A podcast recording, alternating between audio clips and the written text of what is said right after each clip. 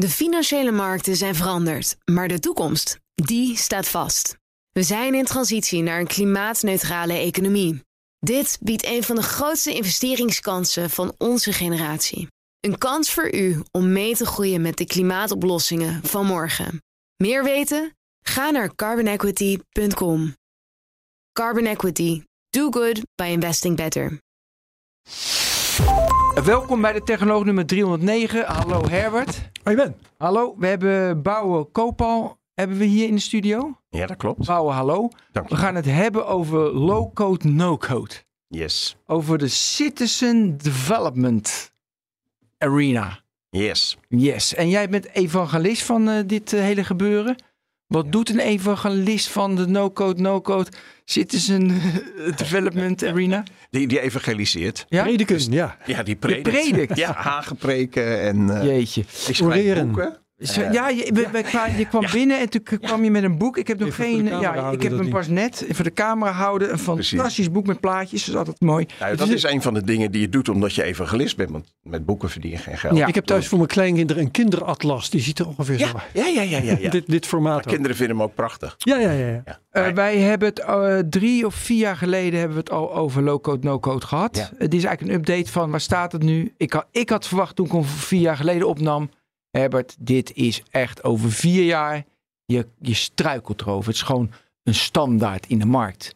Ik heb dat gevoel zelf nu niet. Maar de, de evangelist heeft natuurlijk belangen om dat wel te promoten. dat het wel zo Jij hebt daar beter inzicht in dan ik in Ja, ik, het valt mij tegen. Waarom valt het, het, het- elk grote bedrijf... Weet je, je moet in ieder geval die, die werelden wel uit elkaar houden. Ja, welke werelden? En low-code. Nou, daar beginnen we al mee. Ik zat even in Google Trends op te zoeken. Dat hele low-code, dat, dat, voor mij is die term kunnen we bijna al stoppen. Of uh, Ja, skippen. omdat er alleen nog maar naar no-code. Maar dat is hetzelfde met, je vraagt in een kroeg ook niet een alcohol... Je, je vraagt niet een, een Radler 2%. Je vraagt, doe mij iets alcoholvrijs. En dan 2% of 0%. Nou, die 0% is no-code. Low-code is 2%. Maar die dingen lopen door elkaar. Oké, dus en je moet die het term no-code, die wordt enorm gehyped. Want iedereen noemt alles no-code. Ja. Nog even en exact online gaat zeggen, wij hebben een no-code eh, eh, boekhoudprogramma op de markt gezet. Dus die, die term die is zo populair aan het worden dat iedereen ja, maar het is ook wel haal met makkelijk. no-code. Ja, maar het is ook wel makkelijk, vind ik. Want Is- dat, dat we één term hebben, het is no-code of code. Ja, maar het zijn er toch gewoon twee. En dat het zijn twee begrippen die voor twee verschillende werelden dan zijn. moet jij straks uitleggen wat de verschillen zijn. Ja. En waarom dat onderscheid zo belangrijk is. Ja. Graag. Nou ja, voor mij mag je dat nu al doen. Nee, Zo, want ik heb eerst nog wat te Je hebt vertellen. een host... oké. Tuurlijk, host red. Daar ja, komt hij. precies. wil jij ook flexibeler worden of sneller met nieuwe proposities naar de markt? Jij wil dat, Ben. Als low-code specialist met kennis en beschikbaarheid over meerdere low-code platformen, ja, kan Incentro je helpen. Heb je de expertise of capaciteit niet in huis voor het beheer? Geen probleem, ook daar hebben wij een oplossing voor. Met onze support ben je ook voor de lange termijn ontlast.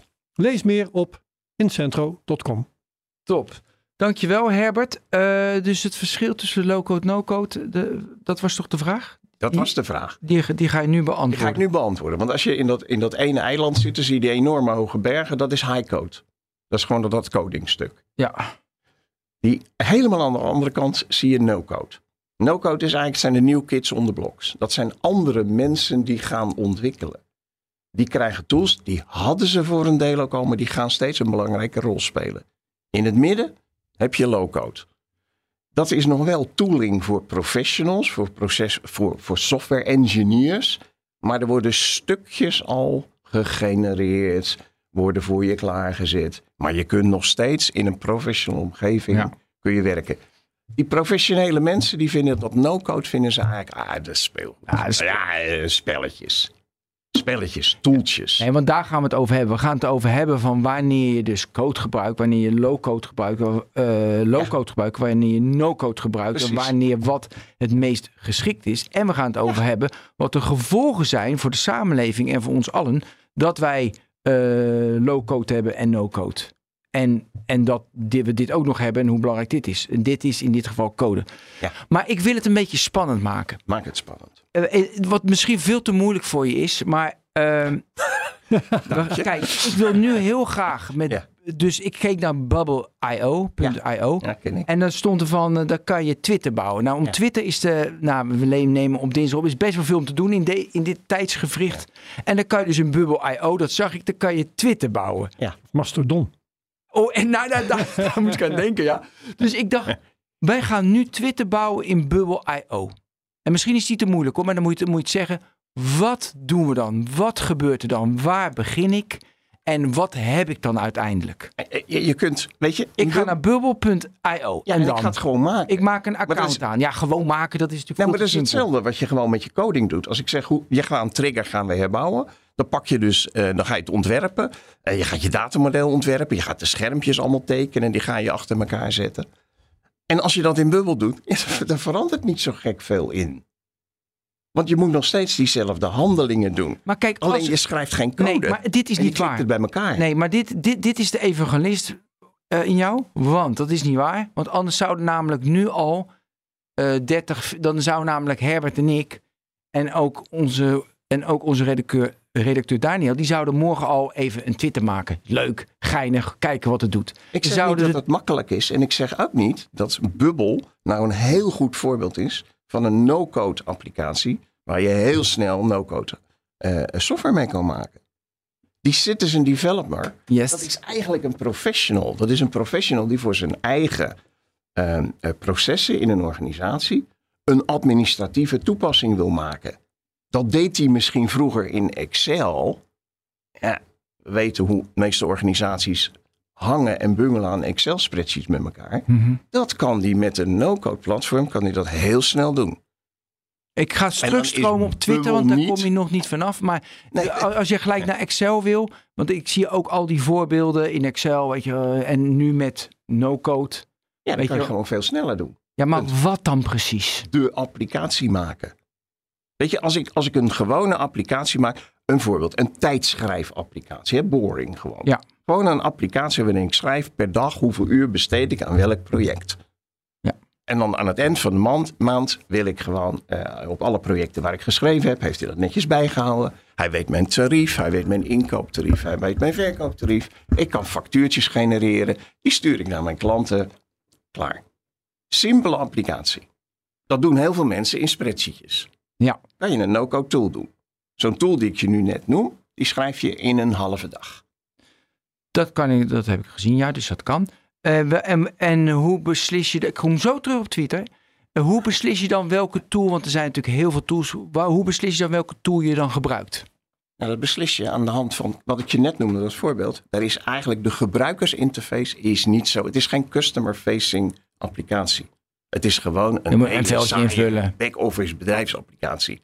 Daar zou ik een triggerachtige applicatie voor nemen. Zou ik daar Bubble voor nemen? Nee. Waar Waarom niet? Sorry. Waarom niet? Omdat ehm, ik met name... Wil je iets meer in de microfoon praten, Ja, alsjeblieft? oké. Dank u wel. Om bij jou te houden, maar Ja, Ja, maar ik ga je dat bent bewegelijk. Ja, Ja, Vertel. Ehm, Zo'n administratieve applicatie, die, die is heel makkelijk te genereren. Dat hoef je niet in elkaar te zetten. Hij genereert het, omdat, die, omdat het zo eenvoudig is eigenlijk al. Dus de logica. Wie genereert het? Dat begrijp ik niet. Nou, daar zit dus een developer. Oké, oké, de, de programmeur. Ja. Ja, en het is iets anders zeggen. dan een programmeur. ja? Want, hij is, eh, want hij deed het daarvoor, maakte hij er een Excelletje aan. Ja, maar je moet misschien even voor de mensen die niet weten wat je precies doet en ziet. Weet je wat je. Dus ik maak een accountje aan. Wat zie ik dan als citizen developer? En we komen terug op Twitter. Wat zie ik dan en waar klik ik op en wat gebeurt er dan? Dan moet je misschien even uitleggen. stapjes die je doet. Je hebt twee soorten no-code platformen. Het is eigenlijk modelgebaseerde ontwikkeling. Ja. Want je start met een model ergens van. Nou, dat is of een datamodel. Dat is dus de samenhang van de gegevens waar je mee gaat werken. Of het is een procesmodel. Daar heb ook allemaal standaarden voor. En ik ga eigenlijk in de ene soort ga ik mijn datamodel ga ik structureren. Dus. En daarna kan ik op basis van dat model, wat ik gewoon teken. Ik teken die gegevensgroepen. Ik zet de attributen daarbij. Ik geef de relaties aan tussen de tabellen. En vervolgens kan ik mijn schermen om die data te manipuleren, kan ik gewoon genereren. Dus ik laat mijn Excel in. Ja? Die heb je dus ook. Waar Die je dat heb- gewoon kan doen. Ja. En ik, en ik zeg dan column eh, B, eh, die koppel ik aan, eh, aan C of ik, ik koppel dat ergens aan. Ja.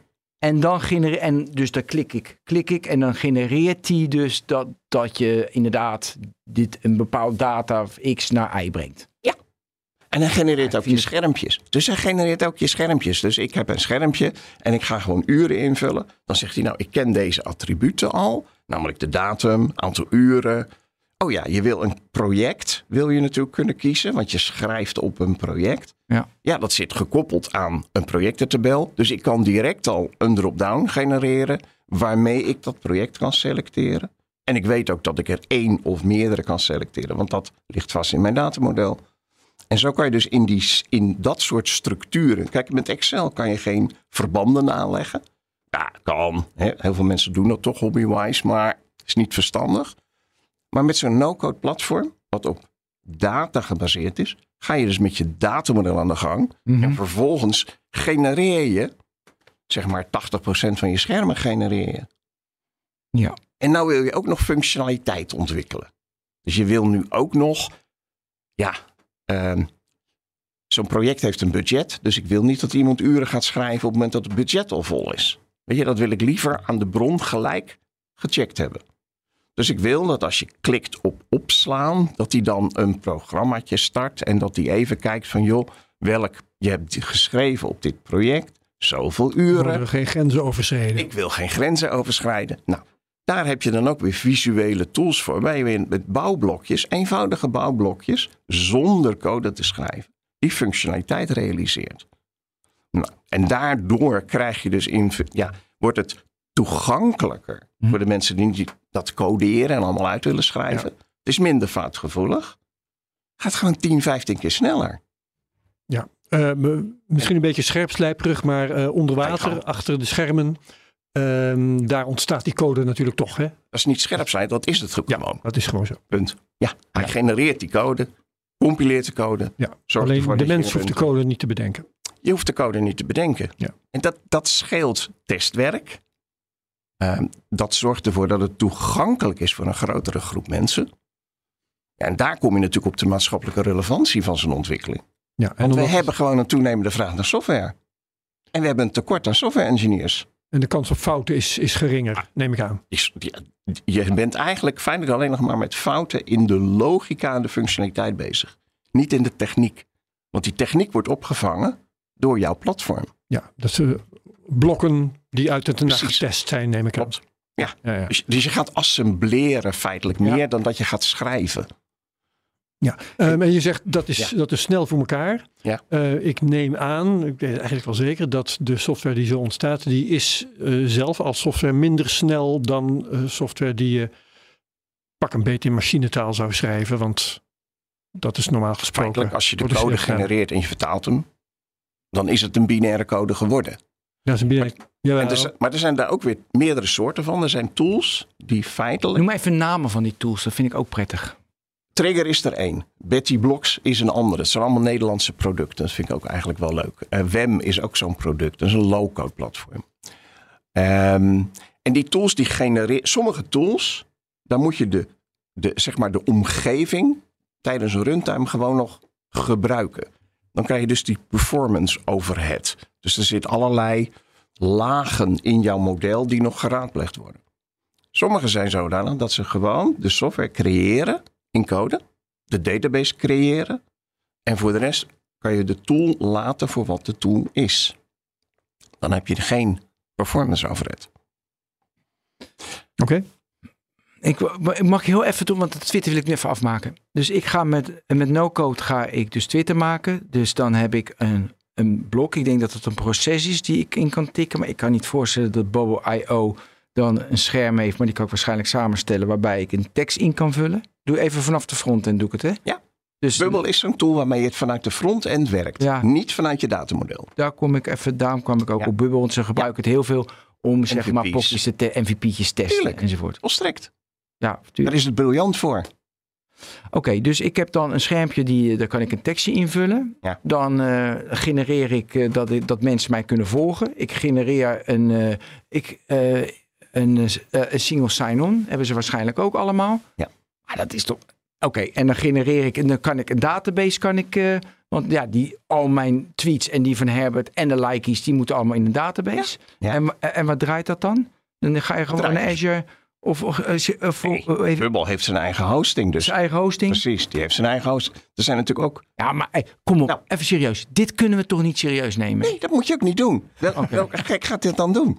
Ja, maar Het is alleen maar, het wordt vaak als marketing van. Kijk eens hoe interessant het is, want we kunnen trigger nabouwen. het Twitter nabouw. Ja, weet je, sorry, maar de, de meeste mensen kunnen, kunnen zich weinig voorstelling maken wat je met gereedschap kunt maken. Dus wat al die leveranciers doen, is dat ze voorbeelden pakken van aansprekende producten en dan zeggen: kijk eens, dit is zo'n mooi en groot product, dat kan je hier gewoon mee maken. Maar er is natuurlijk niemand die het idee heeft dat je een Twitter gaat namaken in Oh, dat is PR. Je kan ook Facebook nabaken. Tuurlijk, En je kan alles- whatever. Feitelijk kun je elke software kun je namaken met Bubble. Ja, maar ik Maar, kan er ook joh, een tekening Zonder van maken. restricties. Nou, Sorry? Zonder restricties. Zonder uitzonderingen. Dus eigenlijk voor, voor een Bubble eigenlijk wel. Waarom? Bubble pretendeert dat ze no-code zijn. Maar ze hebben natuurlijk allemaal achterdeurtjes waar je weer code in kan plakken. Ah zo. Ja, dan gaat het achterdeurtje weer open. En dan word ik als evangelist weer iets minder blij. Want dan krijgen we onbeheersbare code in een, zeg maar, een tool die bedoeld was voor no-code. En dat vind je vervelend. Nou ja, het, een, een gewone, helemaal een codeomgeving, die kan beheerd worden. Ja. Daar kan ik tools op zetten, dan kan ik Ja, weten waar wat gebruikt wordt. Maar dit soort tools zorgen er vaak voor dat je op hele kleine stukjes weer even een stukje code kan schrijven. En de rest op een ander stukje weer een ander stukje code. Maar ze zijn niet geoptimaliseerd voor die code. Ja. Dus je krijgt gewoon puinhoop. En zie je dat veel in de markt? Bubbel is in, in, in Nederland. Ik praat nu alleen maar hè, maar ja, we maar kunnen ook- Bubbel is in Nederland niet zo heel populair. Wereldwijd wel. Ehm, maar in Nederland niet zo. Ligt natuurlijk ook aan de juridische aspecten ervan. Want het wordt gehost alleen in Amerika. Oh, Dus een heleboel toepassingen kan je gewoon al vergeten. Eh, ehm, eh, als je persoonsgegevens aan de gang raadt. Ja, ja, ik noem Bubble omdat een collega van mij is er helemaal gek van. Dus daarom eh, Ik vind het daar een hartstikke leuke tool.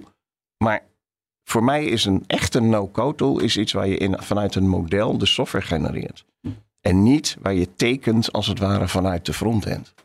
Even voor de helderheid. Waar ben jij nou precies evangelist van? Van no-code? No-code. Ja? Ja. Eigenlijk is de evangelisatie bij mij, die zit niet alleen bij, bij, bij code. Ik ben evangelisatie dat je de, zeg maar, de uitvoerende kracht eh, van IT en van digitale transformatie, dat je die bij eindgebruiker en die professional weet te brengen. Oké. Uitvoerende Dus kracht bij die eindgebruiker. Je maakt zelf applicatie als ik ben notaris of ik ben arts of ik ben, dan Ja. maak ik zelf mijn toepassingen. Niet het complete EPD, maar ik doe een onderzoek en eh, ik, ik heb een toepassing nodig. Doe ik hem niet in Excel, maar doe ik hem hierin. Integratie, ja, dat, dan moest je altijd of import-export, die, die, die, die bekende eh, eh, Excelletjes en CSV-bestandjes, waar ook hele bedrijven van uit elkaar. Of je hebt API's tussen, tussen verschillende platforms. Mhm. Maar je hebt inmiddels ook tools waarmee de eindgebruiker zelf zijn integratie kan doen. Zapier, voorbeeld, van er zijn er nu inmiddels een heleboel.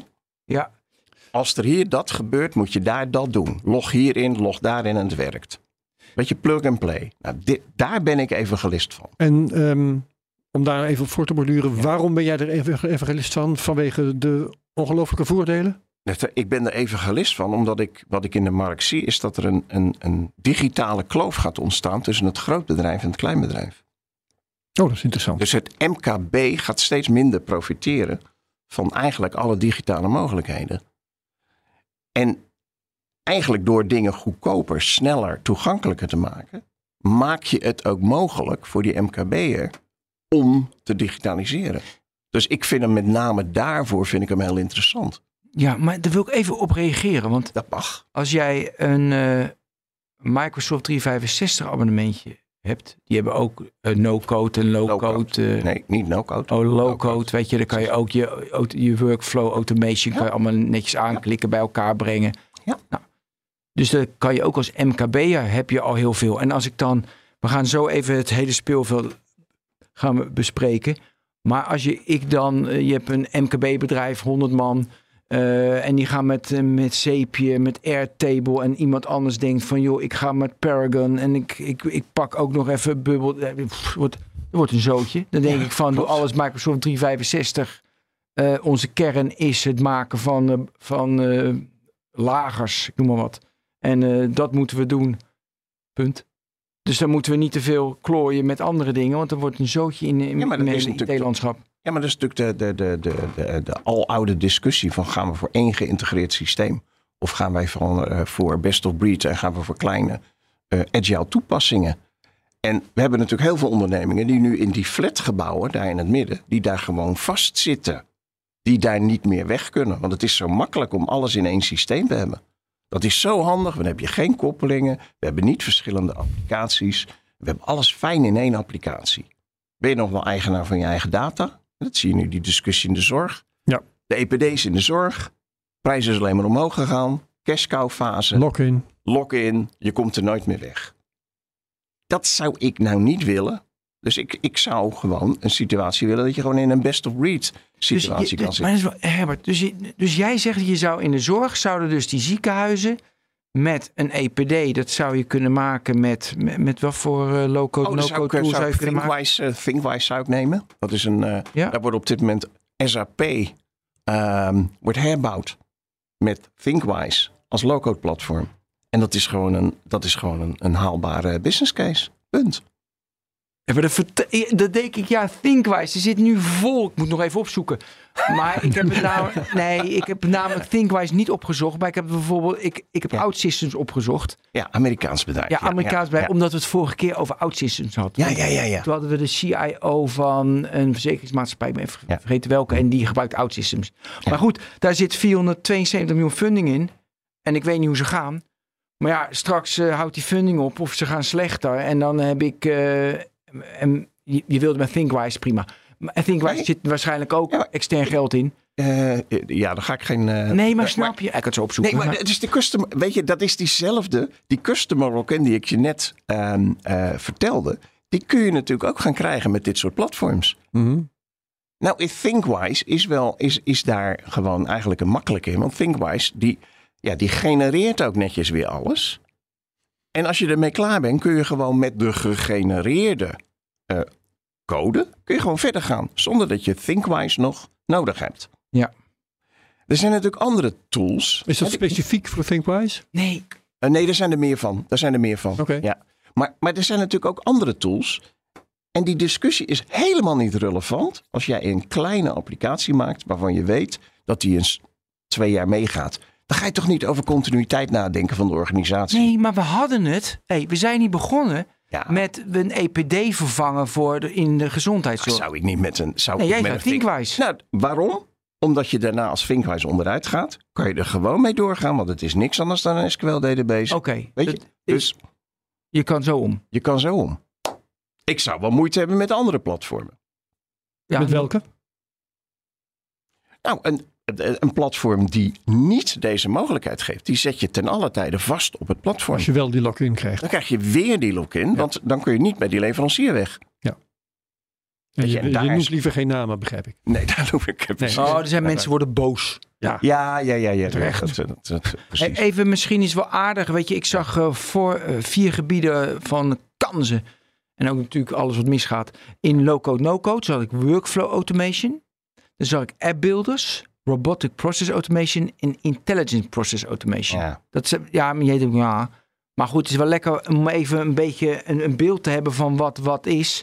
En ik wist al niet wat intelligent process automation was. Ik dacht dat is weer een hippe term. ja, dat is, maar dat zijn we natuurlijk hartstikke goed met z'n Oh, dat is gewoon- dat is- al dat is onzin. termen verzinnen. Maar is een, als- een dam, een dam process automation.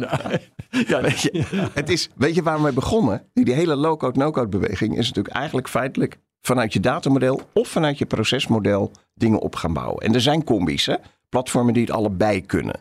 Eh Usoft in Nederland kan, kan van beide perspectieven zijn Allebei software. low-code en no-code. Nee, low-code zijn ze, maar ze Ja. kunnen vanuit een procesmodel ontwerpen en vanuit het datamodel. Misschien moet je Oh, iets nog, even, ja, we hebben het al gehad, maar iets meer van proces en datamodel. Procesmodel. Je hebt het proces van welke stappen je moet Welke maken. stappen om maakt een mens of een, een mens- machine om een machine om iets te doen? te komen. Zo denk jij en dan voeg je dus de elementen aan toe om dat proces te automatiseren, sneller te maken. Volstrekt. En in dat datamodel, dan heb je allemaal data. En die structureer En die je. structureer je met low-code, no-code tools. Precies. Maar beide kun je met low-code, no-code tools doen. Ja, maar de een is heel wel. erg gefocust inderdaad op die procesflow. En de andere op het modelleren van de data. Oké. De ideaalwereld is dat je ze allebei kan gebruiken. Ja, en dat had je net ook eentje Maar dat geeft dus eigenlijk die. En dat geeft een veel betere. Dus je hebt datagerichte. Zeg maar, een Airtable zou ik niet een procesgerichte. Want er zit geen enkel proces in. Het is gewoon een goedkope database. Dus je kunt wat tabellen. Airtable. Je kunt wat tables maken. Maar er zit geen logica in. Er zit ook geen processen in. Er zit niets in. Ja, ik ga nu even voor Herbert denken. Maar Herbert denkt, jeetje, UiPath met robotic... Weet je, een beetje RPA is natuurlijk wel po- Ja, die is, populair. eh, klopt. Ehm, de, en Herbert denkt, want je, al die tools en welke moet ik kiezen? En dat is toch te veel. En ik kan een boom het bos niet zien. En jij zegt, je kan heel makkelijk overstappen naar een andere tool. Nee, dat- een aantal tools kan je heel makkelijk overstappen. En een aantal zit je er gewoon aan vast. Maar is niet belangrijk omdat zeg maar, de levensduur van je applicatie twee jaar is. Een EPD in een ziekenhuis die heeft een levensduur die iets langer is. Nou, daar zou ik iets andere criteria voor hanteren dan voor die uurregistratietool die ik je net noemde. Dus het hangt zo af van welke applicatieve doelstellingen je hebt. Oké, eh, ik wil even terug. Ik wil naar eh, de gevolgen van citizen development voor de samenleving. Dus, eh, wat jij zegt, want dat was een interessante quote naar mijn idee. Over dat, dat de MKB, die komen tekort. Want, weet je, die, want die zitten vast bij die grote en er komt een groot... Pakketleveranciers en, en die tarieven. De tekorten in de IT zorgen dat de tarieven alleen maar gaan stijgen. Groot bedrijf kan dat best wel zich veroorloven. Mhm. En die hebben ook heel veel interne mensen. Ze hebben vaak grote IT-afdelingen. De MKB'er, ja, wat hij aan IT-capaciteit heeft, dat is één systeembeheerder of twee. Dus die moet alles moet die gaan inhuren. Nou, tarieven gaan omhoog, expertise wordt steeds duurder, dus die kloof wordt groter. Dat zie je nu al gebeuren. En wij zijn, eh, met een van mijn bedrijven ben ik lid van, of ben ik partner van de MKB en VNO-NCW. Juist om die digitale transformatie, om die daar mogelijk te maken bij dit MKB. En wat doe je... Kostenverlaging. Ja, dat is, maar wat doe je dan? Eh, ga, dan ga je op bezoek bij een MKB-bedrijf. En wat doe je dan? Wat, wat ik doe is ik leg ze dit uit, zodat ze in ieder geval al weten met wie zit ik überhaupt aan tafel. Dus als er een leverancier komt. De, de MKB'er heeft de neiging van een heleboel MKB'ers is er komt een leverancier bij ze langs. Die heeft een pakket X, Y, Z. Die verkoopt het. Dit is je haarlemmerolie. En hij komt erachter dat het toch niet is. Op naar de volgende. Dus ze worden vaak gedreven door toevallige omstandigheden of een branchepakket. Maar denken eigenlijk niet na over hun hele IT-behoefte in architecturen en in samenhang. Nou, en deze atlas heb ik geschreven om daar een soort metafoor voor te krijgen. Een wereldmetafoor. Zodat je, zodat je snapt waar je tegenaan gaat lopen. En waar je keuzemogelijkheden zitten. Ja, dan vind ik het toch even een concreet voorbeeld. Want de EPD hadden we, dat moest met Thinkwise. Ja. Twee jaar en dan flikken we alles weer weg. Nee, nee, nee, nee, niet dat EPD. Nee, dat doen we niet. maar, nee. maar, maar wel met Thinkwise. Kunnen, dat is ook Ja, duurzaam. Kunnen ook 10, 15 Ja, jaar. ja, ja, zo- zonder meer. Zonder meer. Ja, en het heeft dezelfde functionaliteiten. Het hoeft niet te schalen, dus dat is niet erg. Nou, die- De security is op Dat is orde gewoon geregeld, maar je kunt het deployen waar je wil. En een heleboel van de, van de lager geprijsde tools, dat zijn SaaS-oplossingen die gewoon gehost worden bij de leverancier. Waar je gewoon heel snel up and running bent. En je dus je innovatie enorm kunt stimuleren. Door heel snel applicaties te ontwikkelen. Ja, maar, Is dat een antwoord op je? ja, maar kijk, Niet helemaal. weet je hoe vaak, Herbert, ga je nu eh, je innovatie versnellen? Weet je, hoeveel procent is dat van jouw MKB-bedrijf? En mijn zit het veel meer in workflow. Niet zo vaak bedoel Ja, je. workflow zit, Nee. zit meer, die ben ik met je eens. Daar zit meer, daar is nog zoveel te halen. Daar- Volstrekt met je Ja. eens. En dat je, weet je, met Power BI, ik noem maar even expres, omdat wij dat gebruiken. Weet je, mooie dashboardjes maken, want dat is Ja. makkelijk. Ja. Toch? Ja, maar ik En dat is ook een, een, een eh, low code. Of is dat, dat is low? eh, No. Nee, dat is gewoon een bestaande omgeving. Dat is gewoon, dat is Ja, gewoon een tool die je kan gebruiken. Ja, maar dan kan ik alles local. Dan is mijn auto heeft ook Ja, no-code Nee, software. is- want ik heb ja. een rem en een. Ik hoef er Ja, geen code voor te je- schrijven. Nee, maar je moet dus wel ik heb iets- een no-code auto. Ja, dat is, ja, Dat is natuurlijk zo, ja, sowieso heb je dat. Ja, je auto zit stampvol software. Ja. Ja, en die is in code geschreven, Ja, maar dat gaat toch wat sneller. ja, maar ik wil even terug Ja. naar. Ik wil, ik wil naar Ja. Eh, even voorbeelden. We- we- dus we hadden dat EPD. Ja. Eh, welke heb je nog meer van een MKB-bedrijf? Wat ze dan moeten doen, wa- waar ze winst uithalen? Vervanging van al hun spreadsheets. Want daar lopen ze gewoon in vast. Daar zitten ze eh, eh, gegevens van de ene in de andere spreadsheet te zetten. Eh, daar zijn de spreadsheet, weten we niet wat was nou de juiste versie. Dat soort toepassingen, gericht op het ondersteunen van processen. Gewoon eenvoudige inkoop, verkoop, administratieve processen. Maakt het echt te makkelijk. Want Ah, jongen, dan heb je en exact en dan heb je kicks en dan heb je ik ga nog een exact tool. niet nabouwen. Wat? Ik ga exact toch niet nabouwen. Nee, maar je, kijk, als, bedrijf, als MKB-bedrijf Ja. heb je, je hebt heel veel legacy. Ieder bedrijf heeft legacy, maar ook Ja. als MKB-bedrijf heb je allemaal tools. Ja. En voordat je dus dat opnieuw hebt vormgegeven, die tools eruit, die pakketten eruit, dat is echt, ja, jij zit nu zo te kijken, is dat zo? Ja, dat is zo. In de praktijk is dat lastig. Dat is lastig, maar als je het wil, gebeurt het gewoon. We hebben een klant in Ja, als je Leeuwarden. naar Mars wil, als je dat gewoon wil, ja. dan gebeurt dat gewoon. Nee, die kan ik, die ken ik ook nog wel. Ja, nee, nee, precies. nee. Als je dit wil, Geef kan even een het. voorbeeld. Nou, dat is een bedrijf in, eh, in Leeuwarden. Dat is een van onze klanten. En die, die heeft gewoon gekozen. Welk om, bedrijf, wat voor bedrijf, Technea. doen ze? En zij zijn een groot Wat doen handel voor ehm eh, duurzaamheidsmateriaal voor installateurs. Oké. De zonnepanelen, de, de, Ja. weet je dat. ze- Dus Oké, mooi. ze lopen als een tierenlier op dit moment. Die hebben gewoon bewust gekozen om alles eruit te gooien. Die hebben eh, ehm, Zoho als infrastructuur genomen. Ja, Allerlei CRM-systeem? het is niet alleen Zoho CRM, maar ze hebben ook de projectenmodule genomen. En Zoho Analytics is een prachtige voor Power BI, een stuk goedkoper en kan eigenlijk Ja. hetzelfde. En in een no-code platform zijn een aantal calculaties ontwikkeld. Die ze eerst met spreadsheet deden.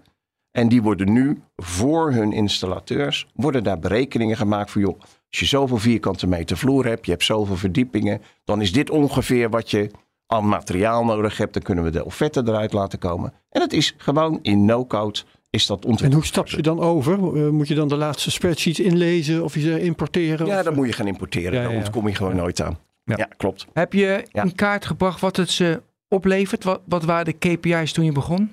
Nee, want dat is natuurlijk iets waar de meeste Gevoel. ondernemers gewoon niet... Gevoel van dat zal wel het gevoel werken. dat, en ja, een gevoel dat het gaat wel werken. En ik denk ook dat dat zo is. En, Zeker als je kijkt naar de investeringen die daarvoor gedaan zijn. Is niet zo groot. en de, hoe, hoe, ging die hele integratie? Hoe lang duurt zoiets? Hoe moeilijk is dat? Ja, integratie is di- dit project. Laten we zeggen, die, die tool die we net hebben beschreven. Net als Die is zo in zes tool. weken. Die, die is in zes Nee, de, de, de, de calculatietool Ja. is in zes weken geschreven. Van begin tot eind. En gewoon operationeel. En de mensen moeten dan anders gaan werken binnen het bedrijf. Want ze hadden andere, ze hadden legacy systemen. Nu moeten ze met Soho Ze werken. deden allemaal, ze deden dingetjes. Ja, precies. Ja, daar hebben ze ongeveer een jaar. Ik denk dat ze daar ongeveer een jaar over gedaan hebben. En eh, Ja. het hele onboardingproces, dat mensen dat ook prettig vinden. Het is net of ik ervaring jammer mee heb, maar dat is namelijk ook zo. Dus gaan we door. Ja, dat onboardingproces in een kleine onderneming met 22 man gaat Oh, dat- natuurlijk anders. Ja, maar je had wel een- weerstand van de mensen. Van, Er ja, zijn natuurlijk altijd weerstandstukjes. Wat een getrut. Wat een getrut, precies, dat werkt niet. En ja, dan heb je toch, die, dat weet je ook, in verandermanagement heb je het commitment van topmanagement nodig. Die gewoon zegt, ja jongens, en linksom, rechtsom, maar zo gaan we het wel doen. Dus- en blijkt het dan achteraf ook objectief beter te werken? Herkent iedereen dat? Ja, op dit moment denk ik dat ze daar heel tevreden mee zijn. Oké, dan Maar zit er zit een, ja, dan ga je gewoon. Nee, nou ga maar. Nou oké, dan zit je vast aan Zoho. Amerikaans bedrijf. VC-funded. Ehm, ja, ik blijf daarbij. Ik vind dat een, een dat je je kern van je bedrijf, gewoon je offerte systeem, je financial systeem, Ja. dat je, en dan zeg je van ja, dat ben je anders met Microsoft. Ja, precies. Het was Ja. Excel. Ja, maar, ik, Ja. maar de gekke is, het gekke is Herbert, Microsoft zie ik dan toch als instituut, denk ik, ja, dat valt niet zo snel om. Die hebben veel, Maar je, je, je focust zo op dat omvallen. Nou, ik wil stabiliteit in de samenleving. Er is al zoveel gekte. Ik wil dat het veilig is, secure is. Ja, dat snap ik. Ja, je mag daar ook wel eisen aan stellen. Maar daar zitten natuurlijk verschillen in. Wat, eh, kijk, zij gaan natuurlijk niet een boekhoudsysteem gaan ze herbouwen met een no-code platform. Dus ze nemen gewoon een, een bestaand eh, eh, eh, systeem daarvoor. Maar als straks eh, Zoho omvalt, ehm Ja, dan zou je pak moeten je dan migreren. vrolijk je boeltje en ga je ergens ja, anders dan ga je ergens anders naartoe moeten. Precies.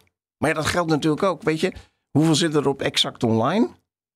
Weet ik veel. Nee, nou, erg veel MKB'ers zitten op Exact Online of op AFAS. Noem ze allemaal maar op. die kunnen natuurlijk ook allemaal gaan omvallen.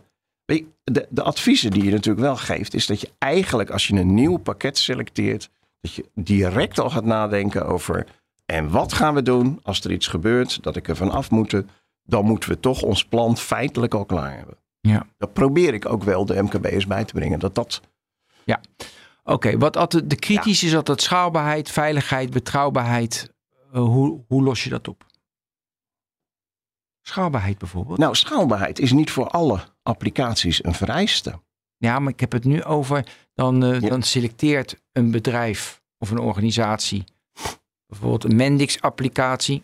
Ja. En dan, eh, dan, omdat ze dat snel kunnen testen. Ja. Ja, en dan moeten ze gaan schalen. En dan is Mendix niet meer geschikt. Nee. En dan moet het weer, eh, dan moet het weer native worden gebouwd. Ja, maar dat is natuurlijk. Weet en je, dan dus, de balen ze dan van, hè? die snap ik ook. Maar daarom zijn er dus ook tools. Ik zit geen reclame voor ThinkWise te maken, maar in diezelfde league heb je natuurlijk ook tools die wel schaalbaar zijn, omdat ze de deployment ook helemaal niet voor je gaan regelen. En als er kleine stukjes zijn die je toch, want het zit altijd op kleine stukjes of op bepaalde bottlenecks, en die ga je dan in code omzetten. Hm. Dan ga je daar je optimalisatie eh, ga je uitvoeren. Wanneer Maar het is ook niet, het is toch niet meer van deze tijd dat je elke keer al die code gaat schrijven. Wel, nee man, er zijn allemaal libraries, die staan allemaal in GitHub. En er zijn heel veel, zijn open en die trek En je er gewoon we uit. niets en die trek je eruit en dan en weten die we trek niet je wat ze aan je de past drie achterkant dingen doen. aan en, eh, Ja. en, je, en je gaat En het door. is zo lekker als een mandje en we weten niet wie het gemaakt heeft. Zoveel code dat Ja. je niet eens kan doorzien waar de lekkages zitten. Hoe kijk jij naar CodePilot? Ik heb nou een topverhaal heb ik erover. CodePilot, dat is zeg maar, Ja. het, de, die, je hebt GPT, het is echt een mooi verhaal, vind ik zelf. Je hebt GPT-3, tekst afmaken. Je hebt DALI, Midjourney, je hebt het ook hier over gehad. Dat is mooie plaatjes genereren. En dan heb je ook CodePilot. Dus code wordt automatisch gegenereerd. Ja? Hoe kijk je daarnaar in de no-code, low-code Nou, ik, eh, ik vind dat een productivity tool voor serieuze softwareontwikkelaars. Dus die Productivity zit tool voor... aan die kant. Ja. Aan die kant. Ja, prima.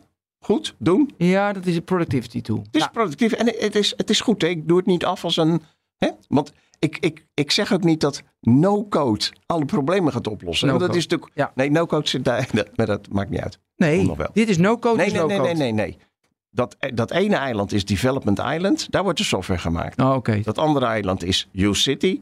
Daar kies je bestaande Oh, oplossingen. dit is het... eh, en, en dat onderste is Integration Harbor. En daar integreer je software. Nou, dat is voor de luisteraar echt heel duidelijk. Ik zal het verhaal, ik, ik zal, ik zal het het boek verhaal nog even over voor de- CodePilot even afmaken. Voor de, dat ga je 100, gang. voor de 100 videokijkers zou ik het boek nog even... Ja, precies. Ja. Hey, maar dus, Ja, Oké.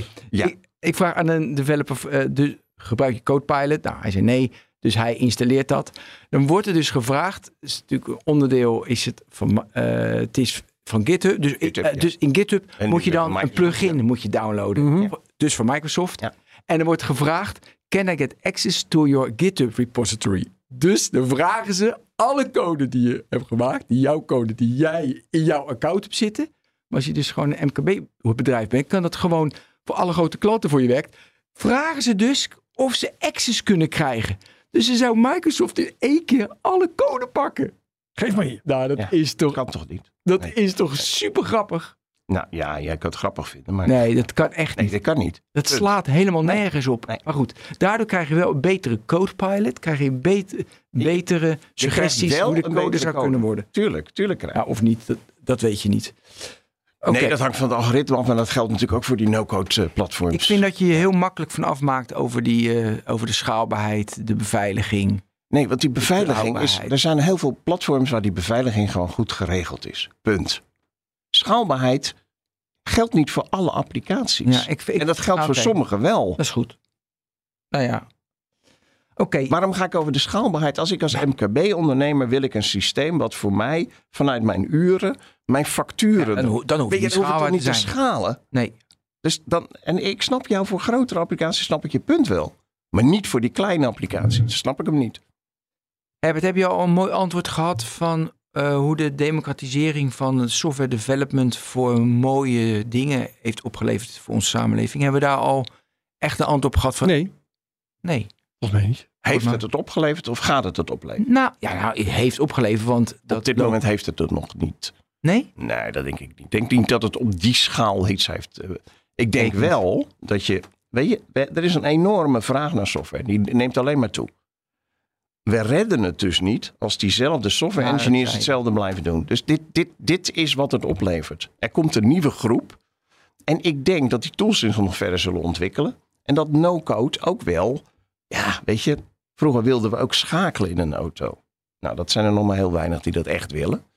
Ehm, en, en dus hebben we gewoon een automaat. Dus ik verwacht toch dat aan die no-code kant, gebruikmakend ook van steeds meer AI, deep learning. Nou, hoe dan? Hoe gaan ze dan Interpretatie van, interpretatie van eh, hè, wat, wat Mendix natuurlijk al doet.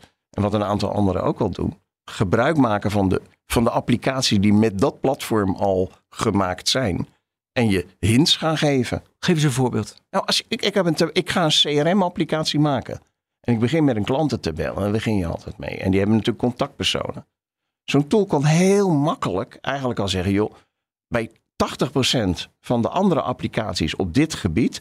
waren er de volgende attributen waren meegenomen in hun datamodel. Zal ik ze toevoegen? Mhm. Het is natuurlijk maar een hele kleine. Maar het is wel een hele belangrijke. Of die gebruiken de volgende tabellen ook. Zal ik die gewoon voor je gaan, gaan maken? Zal ik ze nu creëren? Ja. Misschien wel. Waar we natuurlijk naartoe gaan is dat je dat hele datamodellering natuurlijk overhoop gaat gooien.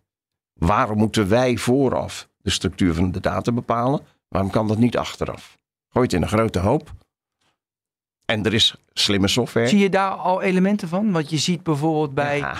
Ja? Ja, voor grote hoeveelheden data. eh, extreem grote hoeveelheden. De duiding daarvan en het achterhalen van, eh, van, eh, eh, van relaties die erin zitten. Dat zie je natuurlijk met heel veel marketinginformatie. Die, eh, Ja, ik vind het allemaal te vaag.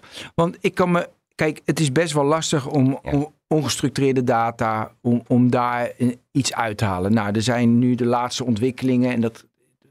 Met de DALI en de Midjourney kunnen ze ook ongestructureerd, kunnen ze alle plaatjes van het internet halen en dan Ja. kunnen ze toch iets uithalen. Hartstikke knap. Ehm, maar goed, dat zijn natuurlijk ook grote.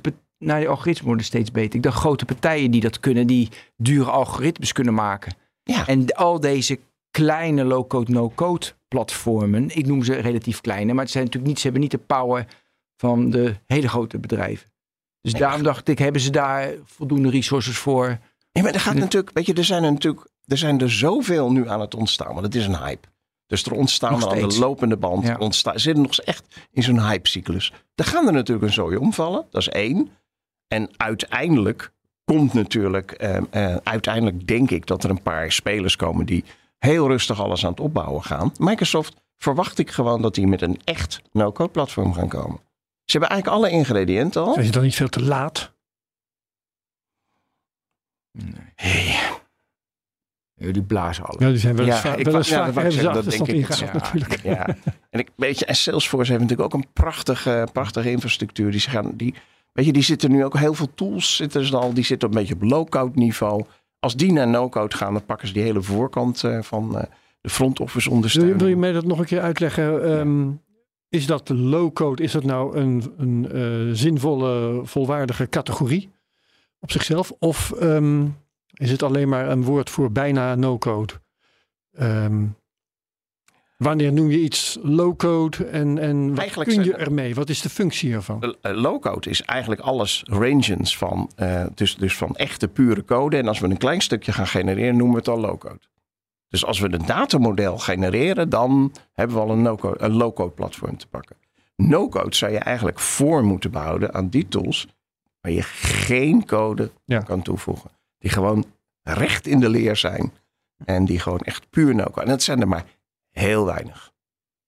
Ja, Dus, dus, dus eh, eh, en voor mij zijn dat, zijn dat, zijn dat wel, is het wel een zinvol onderscheid. dus low-code, dat, dat is wel belangrijk, want ehm, Ja, en Het no ging aan het begin van, van Ja. deze podcast volgens mij over, of was het nog voordat de microfoons open gingen, dat weet ik niet meer precies, eh, over eh 2%. eh je, je maakte de vergelijking met, met eh, alcoholvrij ja, ja, bier. Ja, ja, ja, ja, ja. 2% was, was te vergelijken met low-code, zei. Maar als ik je nu goed begrijp, dan is low-code meer iets van als er überhaupt eh, een deel van de software is gegenereerd, als die er met zijn poot aan heeft we gezet, dan noemen we het al Dan gaan we low dat al, omdat het allemaal zo gehyped wordt. En, en, en sommigen gaan het allemaal no-code noemen. Dus alle Maar- alcohol met een bepaald percentage water, dat is eigenlijk low-code. Nou, dat zo zou je het kunnen noemen. Ja. Ja. Dat vind ik wel mooi. Ja. Kijk, en waar de, waar de waarheid eigenlijk, of waar de, de, de toekomst echt ligt, of die nou bij pure no-code ligt, of juist bij low-code, omdat je daar, feitelijk heb je daar een soort ontmoetingsterrein van de professionele ontwikkelaar en de citizen developer. Citizen. Ja, als je, als je die, dan, dan is dat denk ik wel het meeste ideaal waar je naar gaat streven als grotere onderneming. Want dan heb je dus de, de, de citizen developer die, die, die het eerste stuk kan die gewoon. Hij kan zijn ideeën, die kan hij allemaal neerzetten. Hij kan zijn processen. precies, ja. st- Precies, kan hij allemaal doen. En daarna kun je in één vloeiende beweging. kan de IT-department het opnemen. en aan de low-code zijde of aan de code-zijde gewoon verder gaan. Zonder van tool te hoeven wisselen. Dat, ik denk dat dat uiteindelijk. zeg je ideale toolomgeving gaat worden.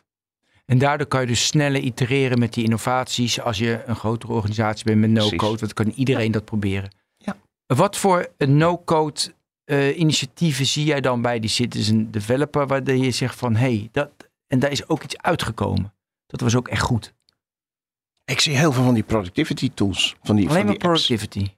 Ja, want weet je, en, het, het- voor de rest, als je een MVP-achtige trajecten, die daarna, als ze gaan schalen, worden herschreven. Maar noem eens een voorbeeld van een type van een eh, zo'n productivity tool. Wat, Nee, ik noemde net al die, eh, die, eh, die, die uurregistratie. oh, En dat soort ook- hele simpele je, dingetjes. Het, het zijn toch, het zijn over het algemeen simpele dingen. Tot best wel het ondersteunen van complexe logistiek in een onderneming. ja, wat gewoon- dan? Nou ja, weet je, we hebben een, een klant en die maakt, eh, ik weet niet of jullie kennen, die eh Benu Apotheek heeft van die Ja, uitgiften. tuurlijk kennen we. Nou. nu apotheken. Dat is het bedrijf Servilocker. eh Ja. Zit in Leeuwarden. Die hebben een hele orderproces. En de afhandeling daarvan is gebouwd in een no-code tool. Vind jij de, die safe-lokken prettig werken? Ja, ik vind van wel. Ik hoef niet, Ja, eh, ja. ja, ik hoef niet eh, te, te wachten tot, eh, dat ik eh, naar de balie kan. eh. Ja, dat is fijn. En dat was natuurlijk in corona was het, ja, Ideaal. was het gewoon ideaal. Ja, dus het antwoord is ja. Ja, ja ik vind het mooi. Oké, nou, ik heb wel eens dat ik een van... Ja, de, de user... hoe zit het trouwens met de gebruiksvriendelijkheid? De persoonlijke gebruiksvriendelijkheid. Uiteindelijk moet ieder persoon, ieder individu op aarde... bijna 8 miljard mensen heeft ze persoonlijke ervaring met een digitaal goed. Zoals je al je persoonlijke tijdslijn hebt. Dus je kan alles kan je persoonlijk maken. Mhm. Met de eh, no-code en low-code zijn het, ja, het zijn, het zijn templates. Kan ik nooit die persoonlijke ervaring hebben. Want het, dan- word ik op een hoop gegooid samen met jou en met Herbert. Heb ik, ik heb, eerder template. Dus gaat dat op worden gelost of niet? Kijk, want er zijn natuurlijk meerdere tools die.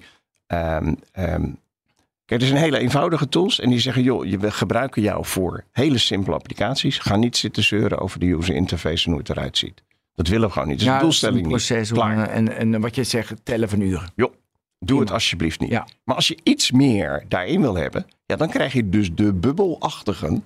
Want dat kan je pixel perfect, kan je dat gewoon ontwerpen zoals je het wil. Al wil je het voor iedereen afzonderlijk eh, op zijn inlog, dat je die visualisatie kan aanpassen. Why not?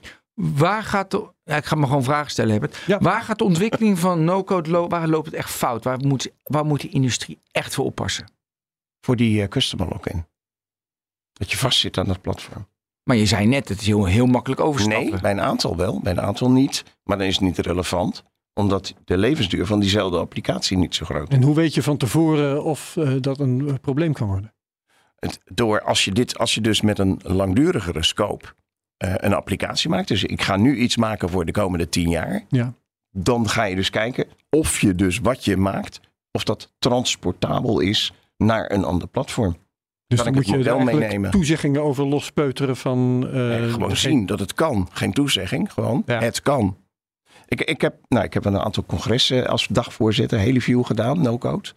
En eh, daar heb ik de stelling bij de leveranciers neergelegd. Moeten jullie niet naar een universeel uitwisselingsstructuur? Ja, eh? Want dan kan ik de logica en de datastructuren en mijn processtructuren... kan ik tussen, de beide, tussen alle platformen. Dat is toch ook altijd voor de industrie als geheel beter? Volstrekt met je eens. Ja. Klopt.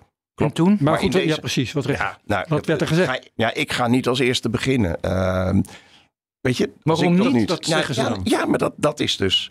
Maar dat is denk ik ook nog wel een beetje het, het, ehm, de fase waarin deze industrie Maar het is ook niet nodig. Je kunt toch ook de koppen bij elkaar steken en gezamenlijk Het is, het, is een besluit niet, nemen? het is helemaal niet ingewikkeld. Ja. Klopt. Nee, maar ik heb geen reden waarom niet. ze dat... Ja, waarom niet? Dat is de, de vraag. Ja, ik ben geen leverancier, ik weet het niet. Maar En, en zijn, zijn er standaarden die klaar liggen? Of zouden die nog moeten worden ontwikkeld? Ja, die, die, kijk, weet je, eh, data hebben we natuurlijk allemaal al lang ontwikkeld. Ja. Daar is een goede standaard voor. Het moet niet zo ingewikkeld zijn. Nee. Maar goed, ehm, Procesmodellen hebben we er moet, een standaard, standaard, er moet een standaard gekozen worden. En is dat dan al automatisch iemand zijn standaard? Want dan, daar loopt het vaak op spaak natuurlijk van. eh, ja, ik wil wel dat het mijn standaard wordt, maar ik wil niet dat het jouw standaard wordt. Ja, en dan zou je toch met een aantal clubs bij elkaar moeten gaan zitten en een afspraak over maken. Ja. Ik werk heel veel in de zorg en IT in de zorg. En ja, de, de uitwisseling van informatie in de zorg is buitengewoon belangrijk. Nou, daar heeft de overheid een taak in gepakt door daar gewoon te gaan structureren. We gaan het op deze manier doen. En we gaan ook de uitwisseling standaard gaan we vaststellen. En daarna is het aan de leveranciers om dat op te pakken. Maar in deze sector moet het echt puur van, eh, van de leveranciers zelf eh, gaan komen. Ben ik bang. Van, Of, of misschien pas als de eerste eh, ongelukken gaan gebeuren. Dat je echt zo, ja, nou heb ik dit allemaal ontwikkeld en ik wil weg en het kan niet. Nou, dat hoeft maar een paar keer te gebeuren. heb, je, heb je dat al gezien? Ik weet wel dat er organisaties zijn die ehm, eh, eh, gestopt zijn met het ene low-code platform en dan weer naar het volgende gaan. Die heb ik gezien, ja. Om deze reden. Om de, ja, ja, om, om reden dat je toch, jij noemde hem al, de performance, de schaalbaarheid viel tegen. Ehm, eh, het gemak waarmee er gewerkt wordt, viel uiteindelijk toch tegen. Er zijn een heleboel dingetjes die daar die wel een rol spelen. Is het eigenlijk ooit zo dat je Ja. niet voor een no-code moet kiezen? Ja, dat zijn van die extreem schaalbare dingen. Weet je, Facebook ga je niet echt niet nabouwen in no-code. Ik bedoel, daar moesten ze Twitter PHP wel, hè? Twitter Nee, wel. da- daar moesten ze zelfs PHP voor aanpassen. Omdat het, ge- ja, daar moest een eigen versie van het programma een, een, een, een, een, een, een taal voor komen. Dus voor dit soort ga je het gewoon niet gebruiken, punt. Maar dat zijn dus hele zeldzame gevallen. Ik, ik denk als je, nou dat is niet alleen maar, maar weet je, ook. en heel, ja, volstrekt, volstrekt met je Bij games, ga je het voor games gebruiken? Nou, nee, zelf even niet. IP opbouwen.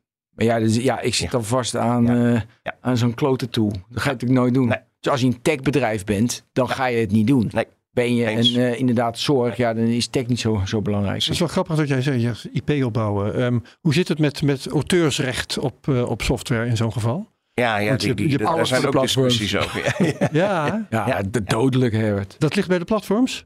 Nee, het ligt niet bij de platforms. Nee, het ligt bij. eh, als, er zijn wel discussies. Ik heb die discussies wel gevoerd. Ligt eigenlijk bij, de, bij de, degene die opdracht geeft aan een dienstverlener om het te maken met een platform. Maar dat is met software natuurlijk ook. Hè? Als, ik, als jij voor mij software maakt, Ja, dan, als, als programmeur, dan ligt alles bij jou hoor.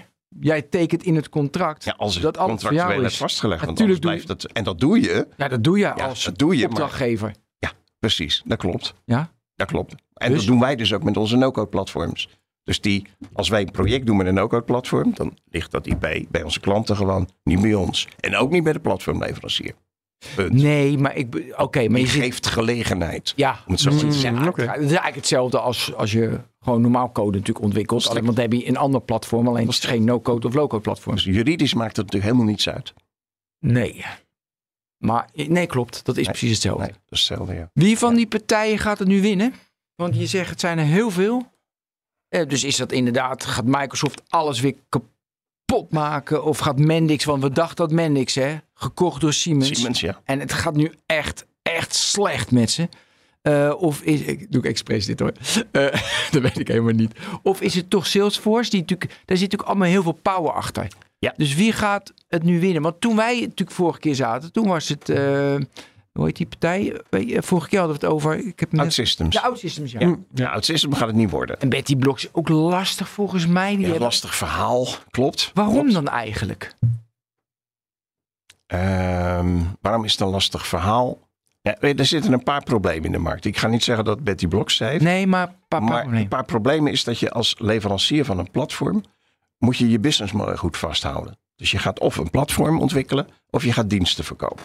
Ja. En ik zie dat heel veel platformleveranciers nog steeds zwalken tussen ik doe het zelf of ik ga mijn partnerinfrastructuur gebruiken. Dus dat vind ik altijd nog een bedreiging. Dus dat betekent, je hebt een platform, je laat echt een derde partij, laat jij jouw platform gebruiken. Om je voor de eindklant, ja, precies. Om voor de eindklant. Dus je krijgt een licentie op je platform, dat ze dat gebruiken. Ja. Dat is je businessmodel. Maar wat ze doen, ze doen en een licentie en ze helpen dan die klant om ook nog die met consultants of met developers die Ja. dat makkelijk Precies.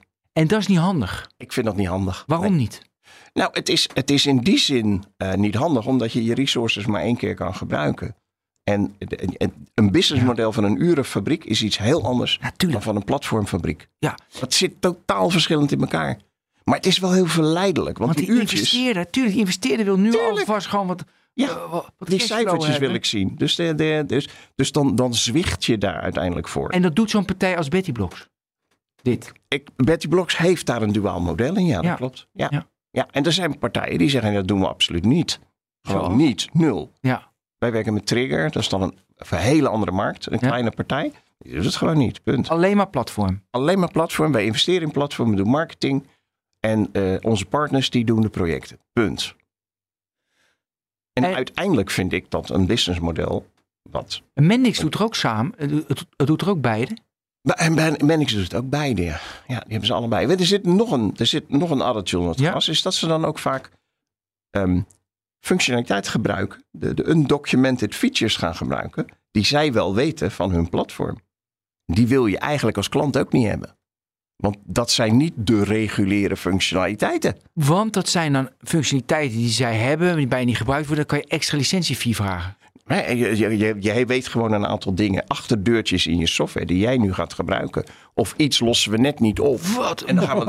Ja, dat gebeurt daar, gewoon. zeg. Ja, maar dat, dat gebeurt gewoon. Jij zit gewoon in een cowboymarkt. Dit is nog een cowboymarkt. Dat ik denk dat je daar. eh, dit is nog niet een volse markt. Nou, daar zijn we toch achter gekomen. Dat wordt, de kop, dat wordt de kop. dat, dat wordt een kop, ja. Gaaf. Het is nog best wel een. Het is een cowboymarkt. En, en, Hij is niet uitgekristalliseerd. maar dan wil ik toch jou Maar ik geloof. Ja, sorry. Wie gaat er winnen? Microsoft. Uiteindelijk. Teleurstelling. Ja, nee, nee, ik weet het. Maar Uiteindelijk is het altijd weer Microsoft. wat, ja, maar wat een Ah, ongelooflijk niet installed normaal, base hebben ze. Daar kom je toch, gasten, Ja. dat, daar ga je toch niet tegenop? Nee. Dat lukt je niet. Oké, maar er is altijd ruimte voor niches.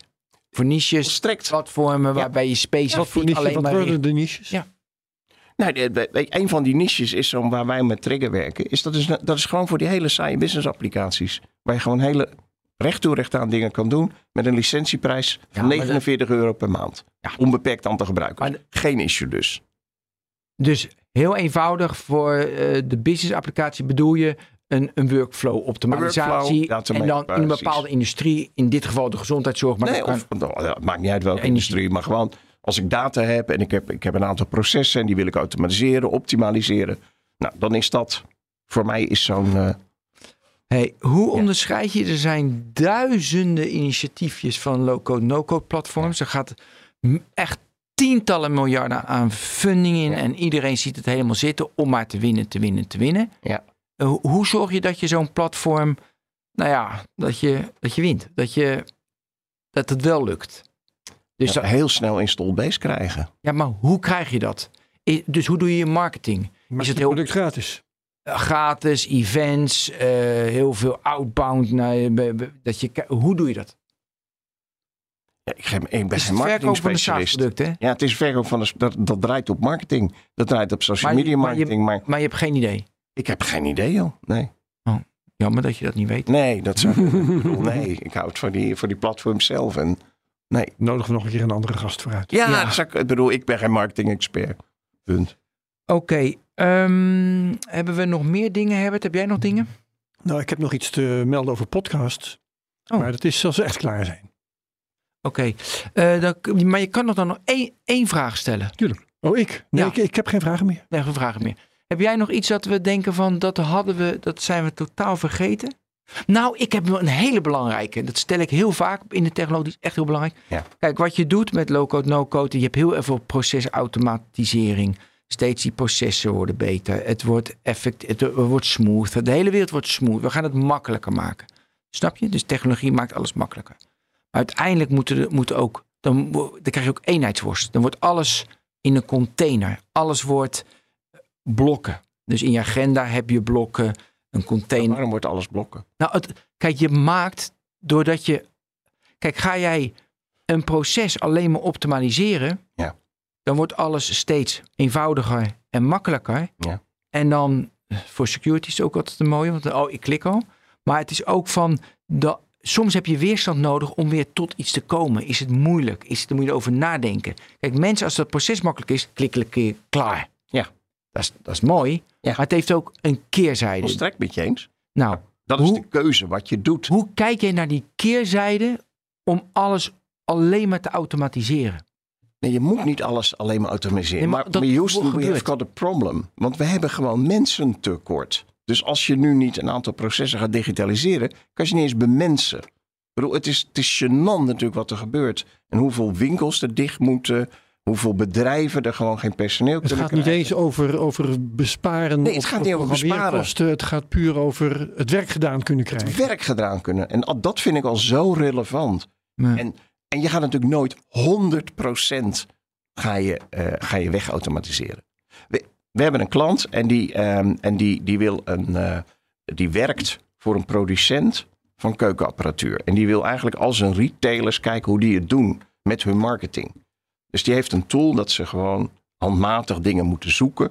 En dat ze moeten kijken in welke ranking, bij welke retailer komt het product. Komt het op de eerste plaats of de tweede plaats? En ik suggereerde van joh, maar weet je, dat, dat zoeken van die ranking, dat zou je ook gewoon automatisch kunnen zijn. Gewoon toeltjes voor die er voor je doen. Dus we kunnen het ook zo maken dat al die accountmanagers, dat die, dat die die cijfers al aangeleverd krijgen. Maar dat vond hij dus geen goed idee.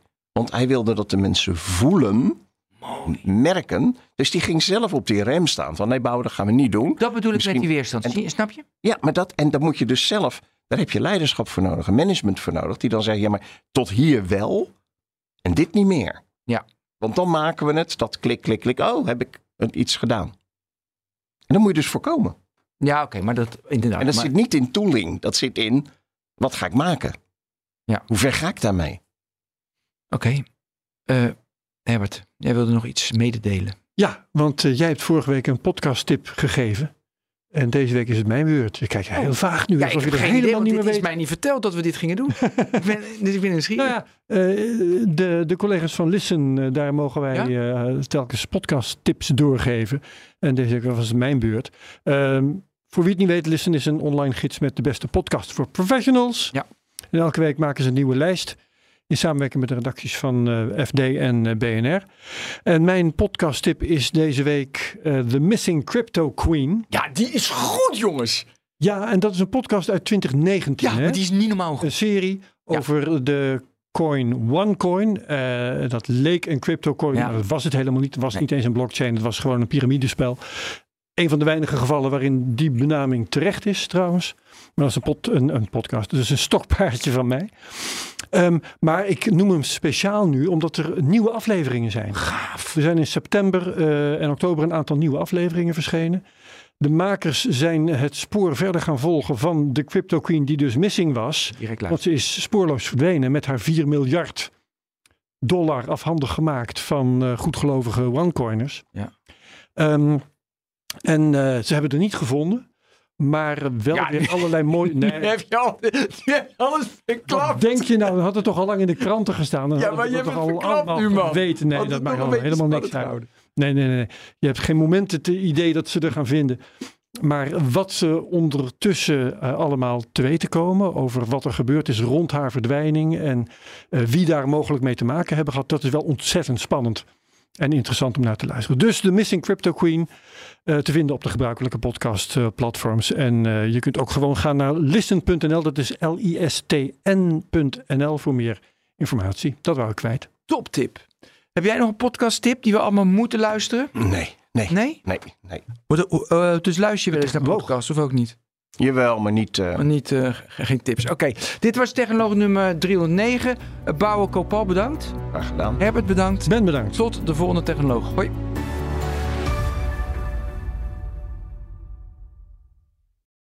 De financiële markten zijn veranderd, maar de toekomst, die staat vast.